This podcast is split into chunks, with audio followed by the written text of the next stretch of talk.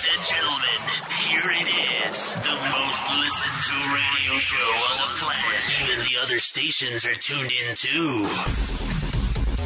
Wiba Podcast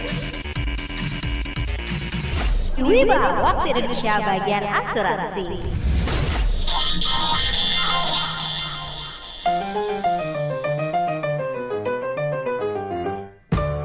Hai hai hai Hola Wibers. Hola.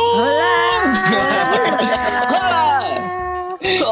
Ketemu lagi di Wiba, waktu Indonesia bagian asuransi. Ngobrolin asuransi secara ringan tapi berbobot. Ya, dan kali ini kita ada di podcast Wiba, bukan Gibah, di episode 12. Wow, dua belas. Dua belas Eh, sih, yang itu yang ada game apa itu apa namanya Monopoli 12. Ketahuan yang main Bisa, game bisa, mon- bisa, bisa. monopoli Wow, get rich, get rich. Sumpah lawas banget si Get Rich. Oke Wibers Wiba Podcast hadir menemani Anda setiap Sabtu sore jam 17.30 Waktu Indonesia bagian Barat Dan kamu bisa dengerin podcast Wiba melalui platform Spotify, Anchor, dan juga Apple Podcast. Oh iya viewers, bantu kami ya untuk mendengarkan podcast ini sampai selesai ya. Dan juga share dengan keluarga atau teman-teman kamu agar sama-sama mendapatkan manfaat dari podcast ini. And Wibers, jangan lupa untuk follow, like, dan komen akun Instagram kita di @wiba.podcast. Eh BTW nih guys, beberapa hari yang lalu nih ya, kan ada satu orang temen gue yang sharing kalau sekarang dia itu udah sukses banget sebagai seorang financial advisor. Tahu nggak? Hmm. Sampai sampai ya kemarin tuh baru aja beli mobil baru cash loh. Padahal lagi Wow. susah-susahnya duit nih. Zaman-zaman sekarang dia malah beli baru dan cash. Keren banget. Ih, keren. Tunggu tunggu tunggu itu itu seriusan seriusan ada yang kayak gitu Mhm. Wow. Nah pas banget nih ya. Bagi Ska, Uwo dan juga Kifli Gue bawa Wiba Logis nih Yang kebetulan dia adalah seorang financial planner yang udah berpengalaman banget. Nah kita harus wajib banget deh ngobrol-ngobrol sama dia. Pokoknya wajib lah istilahnya kayak gitu. Wow, pasti keren banget nih orangnya ini. Siapa tuh financial planner-nya Mbak Tias? Nah kenalin nih guys Ini namanya adalah Pak Anton Kita say hi dulu ya sama beliau Hai Pak Anton Hai Panton Anton. Hai. Halo Pak Anton. Hai, hai Viber. Saya Anton Hadi Wijaya. Hai Pak Anton, thank you loh udah bergabung di Wiba kita ya. Nah Wibers, jadi Pak Anton inilah seorang financial planner di salah satu perusahaan asuransi jiwa ternama di Indonesia. Pak Anton ini berdomisilinya dari Jakarta nih guys. Nah Pak Anton, kita mau ngobrol-ngobrol nih sama tanya-tanya sama Pak Anton. Sebelum Pak Anton ini menjadi seorang financial planner ya yang sukses nih seperti sekarang, karir Bapak kalau boleh tahu sebelumnya sebagai apa sih Pak? Begini, ya saya waktu mudanya tuh eh, melamar mau jadi bintang film tapi nggak diterima gitu loh. Akhirnya saya itu eh, seorang pengajar di universitas dan juga di beberapa sekolah SMA. Seriusan Pak. Jadi bintang film dulu ya. Pinginnya jadi bintang film gitu Mau youtuber katanya. Youtuber mah zaman sekarang Kalau dulu mah bintang- YouTuber kan zaman zaman itu belum ada. Iya. Kalau ada sih udah saingannya Raffi saya waktu itu. Wadidaw.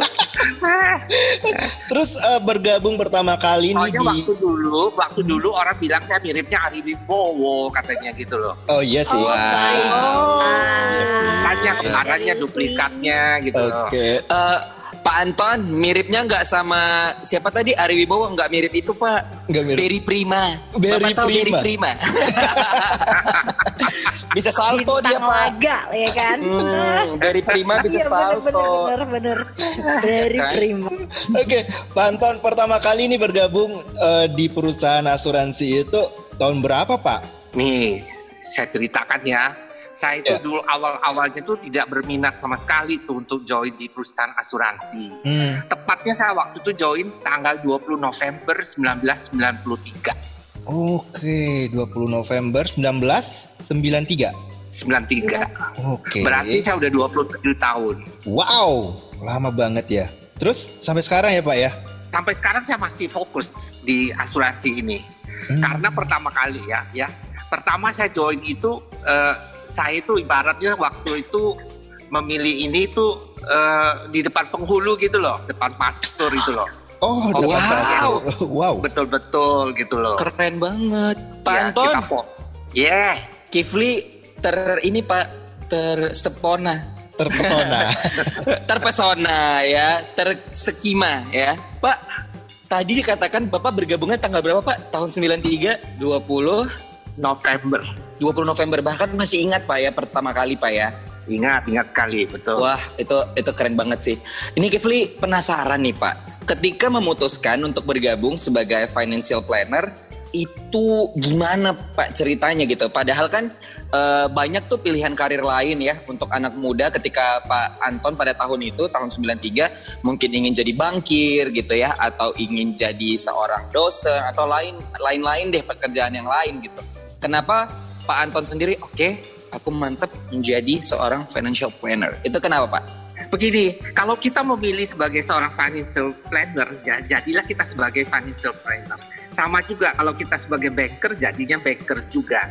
Maka saat itu saya berpikiran kalau saya fokus saya ini pasti hasilnya juga memuaskan gitu loh. Jadi ya seperti saya katakan tadi, seperti kita di depan penghulu atau depan gereja Pak eh, Pastor, kita berjanji, oh inilah komitmen saya untuk me, eh, sehidup semati gitu. Jadi sampai sekarang pun tetap berlangsung. Wah luar biasa. Jadi benar-benar apa ya ada sumpah dalam diri sendiri ya menjadi seorang financial Iya. planner gitu ya Pak. Betul, betul, betul. Sumpah dalam diri sendiri di depan Tuhan. Wih, luar biasa. Terus nih Pak Anton, eh, pada awal bergabung gimana ceritanya sih Pak? Siapa sih yang ngajakin untuk jadi seorang financial planner? Jauh sebelum saya join ini, sebetulnya saya sudah diajak salah satu teman saya, seorang businessman gitu loh. Tapi waktu itu saya belum tertarik sama sekali. Waktu satu hari ada semacam seminar BOP begitu, salah satu teman saya yang dulunya kita sama-sama di Amerika, dia balik, dia bilang, waduh, saya kalau untuk kerja aja gaji saya nggak seberapa gitu loh. Bagaimana dia katanya? Eh, saya ingat nih mau nggak saya refer kamu ke teman saya. Kita ikutlah ke semacam BOP begitu, dan ternyata itu orang malah nggak tertarik, yang tertarik saya. Maka itu waktu itu saya bilang sama istri saya waktu itu, wah ini ke- kelihatan ini cukup bagus nih. Ah, maka bergabunglah saya tanggal 20 November tepatnya itu tahun 1993. Wah luar biasa ya. Oh, jadi ibarat kata sebenarnya yang yang diajak itu temennya Pak Anton, tapi yang minat justru Pak Anton ya Pak ya? Betul, betul, betul. Kemudian kan Pak Anton uh, sudah tertarik nih dan otomatis kan sudah bergabung ya menjadi seorang financial planner di salah satu perusahaan asuransi jiwa. Nah ada nggak sih Pak pengalaman-pengalaman kayak ditolak gitu untuk pertama kalinya? Oh ini banyak sekali nih. Sama aja dalam suatu perkawinan kan. Kita itu kan ada up and down semuanya itu kan.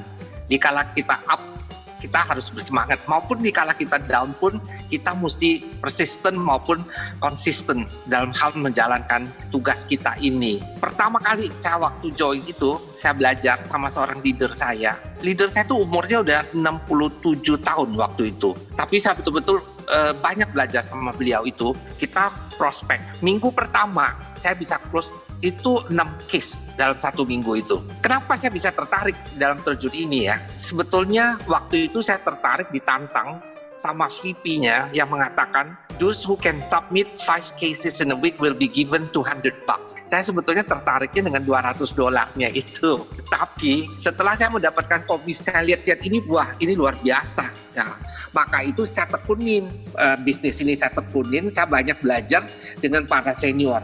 Waktu itu saya ingat sekali penutupan tahun eh, tahun buku dari perusahaan itu tanggal 30 November.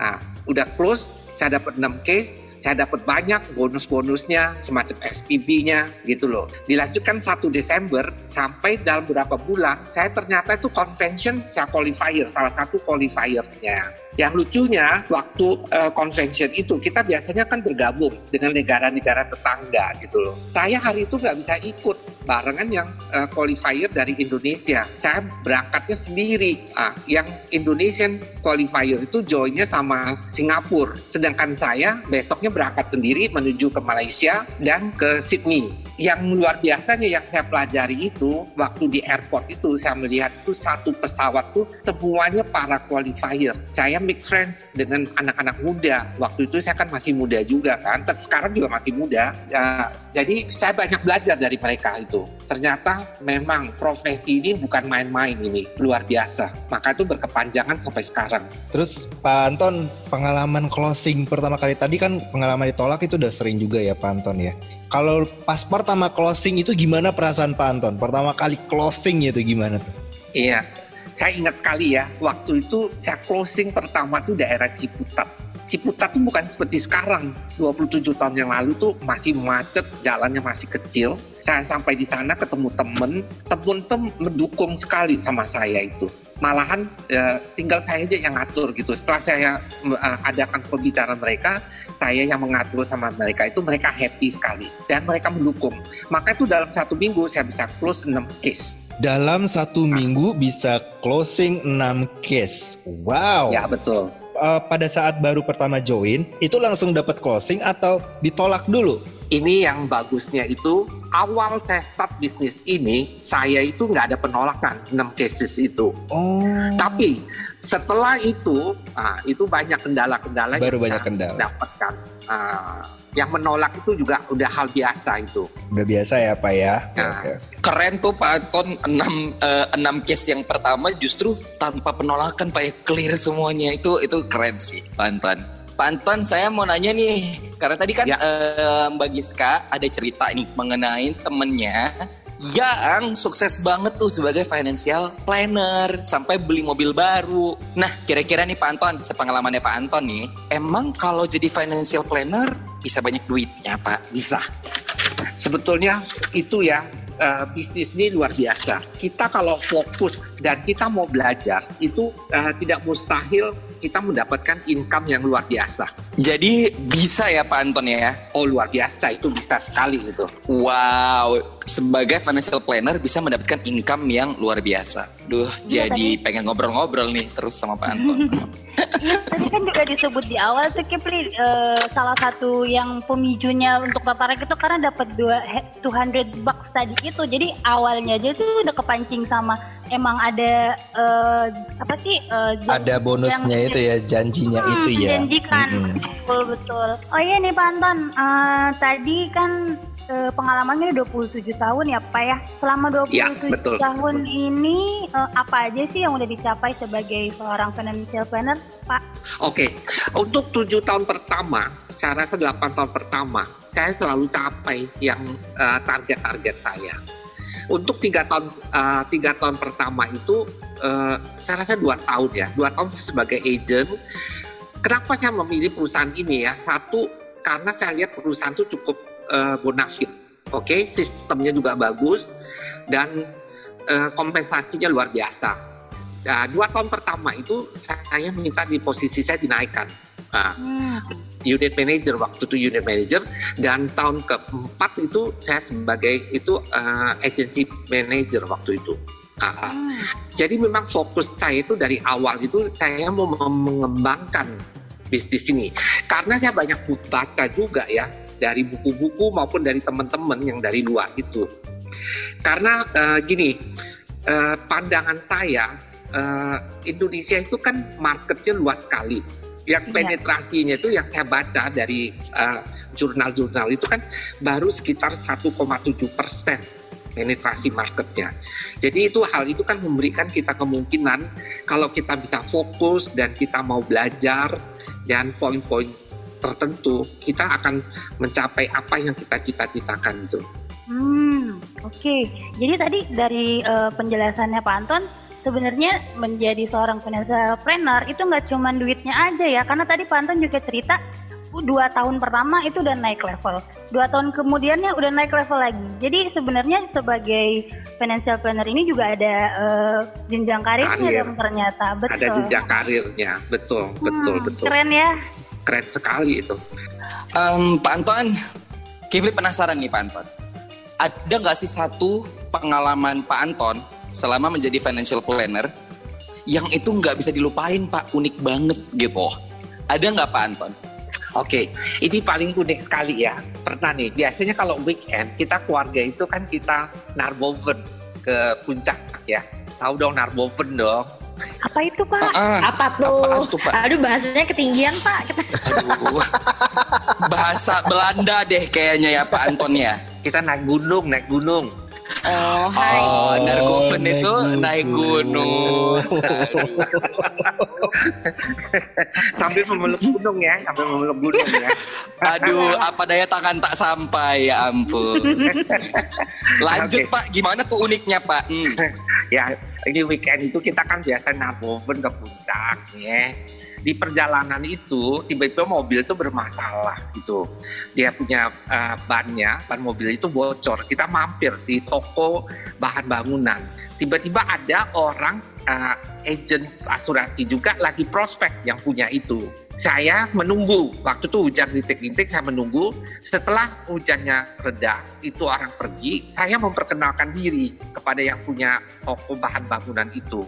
Dia melihat saya aja untuk presentation bla bla. Ini orang yang nggak kenal sama sekali. Nasabah ini saya prospek dia itu saya rasa ada lebih dari 10 kali. 10 kali. Wow. Bolak balik bolak balik bolak balik jarak Jakarta Ciawi itu cukup eh, cukup jauh ya sebetulnya ya. Tapi saya punya fit punya kepercayaan bahwa nasabah itu pasti beli sama saya. Dan dia juga eh, mungkin dia tertarik juga cara saya presentation sama dia. Saya bisa menggali ini nasabah sedemikian rupa. Akhirnya dia beli sama saya beli sama saya. Waktu itu bolak-balik 10 kali itu biasa kan aplikasi kita isiin kita minta dia tanda tangan KTP-nya dikasih saya itu saya udah happy banget saking saya happy-nya itu istri saya aja saya tinggalin tuh di toko itu saya terus turun ke Bogor untuk minta fotokopi Wadaw. Aduh, Pak Anton serem banget.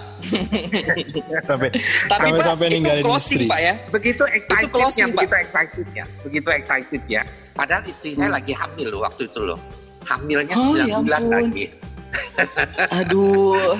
begitu excitednya saya tinggalin saya pergi turun ke Bogor fotokopi saya balik lagi gitu. Ternyata kan nasabahnya tanda tangan. Setelah ditanda tangan tuh, Wow. dia nggak kasih ceknya dulu dia nggak kasih ceknya dulu. Besoknya saya balik lagi. Saya datang lagi Mm-mm. besok pagi-paginya jam 4 pagi saya udah berangkat tuh naik ke puncak lagi. Akhirnya dikasih lah cek. Jemput dia lagi untuk medis lagi kita bolak balik bolak balik tuh saya rasa ada 15 kali saya bolak balik Ya ampun, 15 kali ya Pak ya. tapi preminya aja itu sekitar 12.000 US dollar waktu itu. Wow, ya ampun Pak merinding. Gede banget, 12 ribu dolar. Iya, Wow. Itu rezeki anak Pak. Rezeki anak, rezeki istri, rezeki keluarga. Betul. Keren banget Pak ceritanya. Amin, amin, amin, amin, amin, amin. Nah, ada nggak sih cerita yang tidak menyenangkan? Apa nih yang paling tidak menyenangkan sebagai financial planner? Ada nggak? Kalau ada itu apa? Terus pasti dong kebalikannya ada juga. Kalau tidak ada yang tidak menyenangkan, Oke. berarti ada yang menyenangkannya. Nah, boleh cerita nggak sih Pak? Ini, ini ada pengalaman yang saya anggap kurang menyenangkan ya. Saya datang ke tempat teman itu, datang teman itu, dia kaget. Kamu terjun di asuransi? Jangan, asuransi itu nggak bagus, dia bilang gitu loh. Ngapain? Kamu butuh duit, kasih tahu saya aja. Kamu perlu berapa, saya kasih kamu duitnya. Saya bilang saya nggak butuh duit kamu. Saya merasa tersinggung juga ya mau dikasih duit begitu ya. Saya nggak butuh duit kamu. Saya hanya care aja terhadap diri kamu. Saya bilang gitu. Akhirnya saya minta aja lima menit aja untuk presentation. Saya ingat sekali waktu itu tahun 1994 itu. Saya bisa close dia itu. Akhirnya saya bisa mengalahkan dia juga ya. Awalnya kan saya kurang happy kan, malah saya ditawarin duit. Saya presentation sama dia, tapi dia bisa saya bisa close sama dia itu. Bisa close sama dia. Ini pengalaman yang menyenangkan ya sebetulnya ya. Itu bagian yang tidak sebetulnya enak. ada juga pengalaman ya kurang menyenangkan juga ya. Sejak saya join di asuransi itu orang tuh agak menjauh dari diri saya. Hmm. tapi saya memang saya nggak peduli juga kan. Saya sebetulnya mengeducate mereka kan. Saya menyampaikan misi-misi yang positif terhadap mereka itu. Saya nggak peduli. Tapi mungkin mereka awalnya nggak suka, tapi bisa juga di beberapa tahun kemudian mereka menelpon juga malah mem- mau membeli asuransi. Oke nih eh, Pak Anton tadi ceritanya udah luar biasa banget. Juga tadi ada pengalaman tidak menyenangkan tapi ujung-ujungnya menyenangkan juga tuh. Nah, yang Kifli mau nanya nih Pak. Ini eh, biar Webers di rumah pada kegambar nih. Siapa tahu ya Pak masih ada yang ragu-ragu atau kayak emang jadi financial planner eh, bisa berhasil gitu ya, bisa memiliki aset. Kifli mau nanya nih Pak ya, untuk kebutuhan Webers nih Pak informasi. Kira-kira selama jadi financial planner, aset yang telah dimiliki gitu Pak ya, itu apa aja sih Pak? Boleh kasih tahu kita nggak Pak rahasia nih Pak sama Webers doang. Se- Sebenarnya kalau in term of aset sebetulnya nggak ada apa-apa ya sebetulnya ya. Tapi saya merasa bangga sekali ya. Selama saya menjadi financial advisor ini, eh, saya sudah eh, bisa membelikan suatu kondo di Singapura. Wow. Wow. Pak boleh Wow. ini nggak Ya, Pak ini numpang Saya Pak? cukup bangga juga ya. saya cukup bangga juga ya. Saya punya anak tiga ya. Malahan saya anak saya satu di Singapura. Sekarang eh, masih eh, studi juga dan dua itu di Amerika. Itu yang saya banggakan Wow. sebagai being an advisor gitu. Wow. Ada- Keren Pak, aduh Thank you. sampai punya kondo di Singapura Pak. Ntar kalau Kifli ke Singapura boleh nebeng nggak Pak? Boleh, sama Wodika boleh, juga, Boleh. sama anak-anak. Webers, anak-anak Webers ya. Langsung hubungin Pak Anton ya. Wah keren banget, thank you Pak Anton udah sharing ya. Wow. Wah luar biasa ya. Jadi nanti kalau misalkan kita mau ke Singapura bisa kali mampir ya ke kondonya. Boleh, boleh. Nanti saya ajak jalan-jalan ya. Wah luar biasa sekali nih Pak Anton ya pengalamannya pun juga udah lama banget 27 tahun juga udah di share nih pengalaman dari yang menyenangkan sampai yang tidak menyenangkan juga sampai bisa membeli kondo juga di Singapura. Nah Pak kira-kira apa sih yang ingin disampaikan kepada teman-teman Webers kita yang ingin mencoba karirnya sebagai financial planner nih? Eh, begini, saya memberikan masukan kan. Kalau kita mau menjadi seorang financial planner itu, kita mengutamakan prior- prioritas untuk eh, kebutuhan dari nasabah. Oke, kita harus selalu memberikan pelayanan kepada nasabah itu. Dan juga kita memiliki kecerdasan emosional baik kemampuan untuk mendengarkan dan berempati dengan nasabah itu. Dan juga kita mesti gigi kita mesti gigi juga dalam menjalankan tugas kita itu. Dan ingat kita tuh tidak putus-putusnya kemampuan untuk belajar. Sikap positif dan selalu mengutamakan pelayanan kepada nasabah. Oke dan juga oke. Jadi teknis. Pengetahuan teknis juga yang kita harus selalu tingkatkan juga Ya benar banget ya informasinya Pak Anton. Jadi kita kalau sebagai financial planner nih Webers tentunya kita harus konsisten terus gigih ya. Walaupun banyak halangan rintangan di depan mata tapi kita harus ingat nih goals kita apa nih yang di awal. Mm-mm, bener banget. Karena kalau bisa dibilang kan sebagai financial planner ini kita eh, yang ditawarkan itu adalah jasa ya. Jadi kita adalah pekerja jasa. Jadi memang apa ya selain eh, persisten itu juga dibutuhkan empati juga kita juga sebenarnya memang harus lebih berat ke calon nasabahnya nih. Bukan demi kepentingan kita tapi demi kepentingan nasabahnya kita. Karena kita yang yang kita offer adalah jasanya kita. Bukan begitu mbak? Betul Setuju. sekali. setuju ya. sekali Thank you banget Pak Anton untuk waktunya udah bercakap-cakap ria di Beba Podcast kita. Thank you ya Pak. Thank you, Pak Anton. Pak Anton, thank you. Semoga kita bisa ketemu lagi nih, bisa bercakap-cakap lagi untuk nextnya. Nah, jadi guys, kalau bisa putar kesimpulan ya dari informasi yang diberikan sama Pak Anton tadi, menjadi profesi sebagai seorang financial planner tentunya itu profesi yang jangkanya itu bukan jangka pendek ya, tapi jangka berkepanjangan. Dan profesinya ini ternyata bukan yang main-main. Karena apa sih kita juga menyangkut hajat hidup orang banyak lah istilahnya seperti itu. Kita servis dan memberikan layanan yang terbaik kepada si nasabah-nasabah kita. Dan misalkan banyak rintangan, banyak halangan ya yang menerpa kita di depan, tentunya kita harus ingat lagi. Kita ingat lagi di depan kita, di awal kita itu kita punya goals apa. Kalau sudah kita punya ingat goals kita, ya seperti apa, tentunya itu akan lebih bersemangat lagi untuk mencapai goals kita itu. Benar, benar, benar. Nah, Wibers, siapa lagi yang akan kita hadirkan untuk Wiba Podcast episode minggu depan?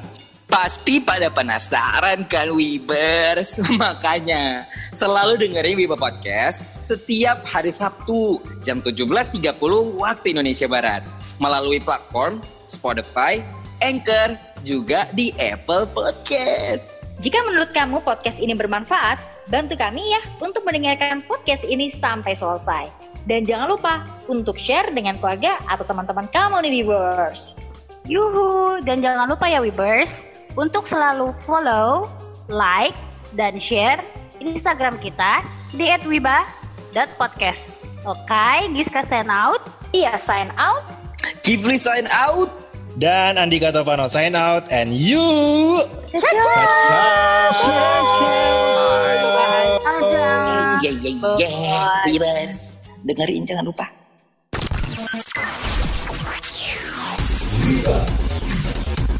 You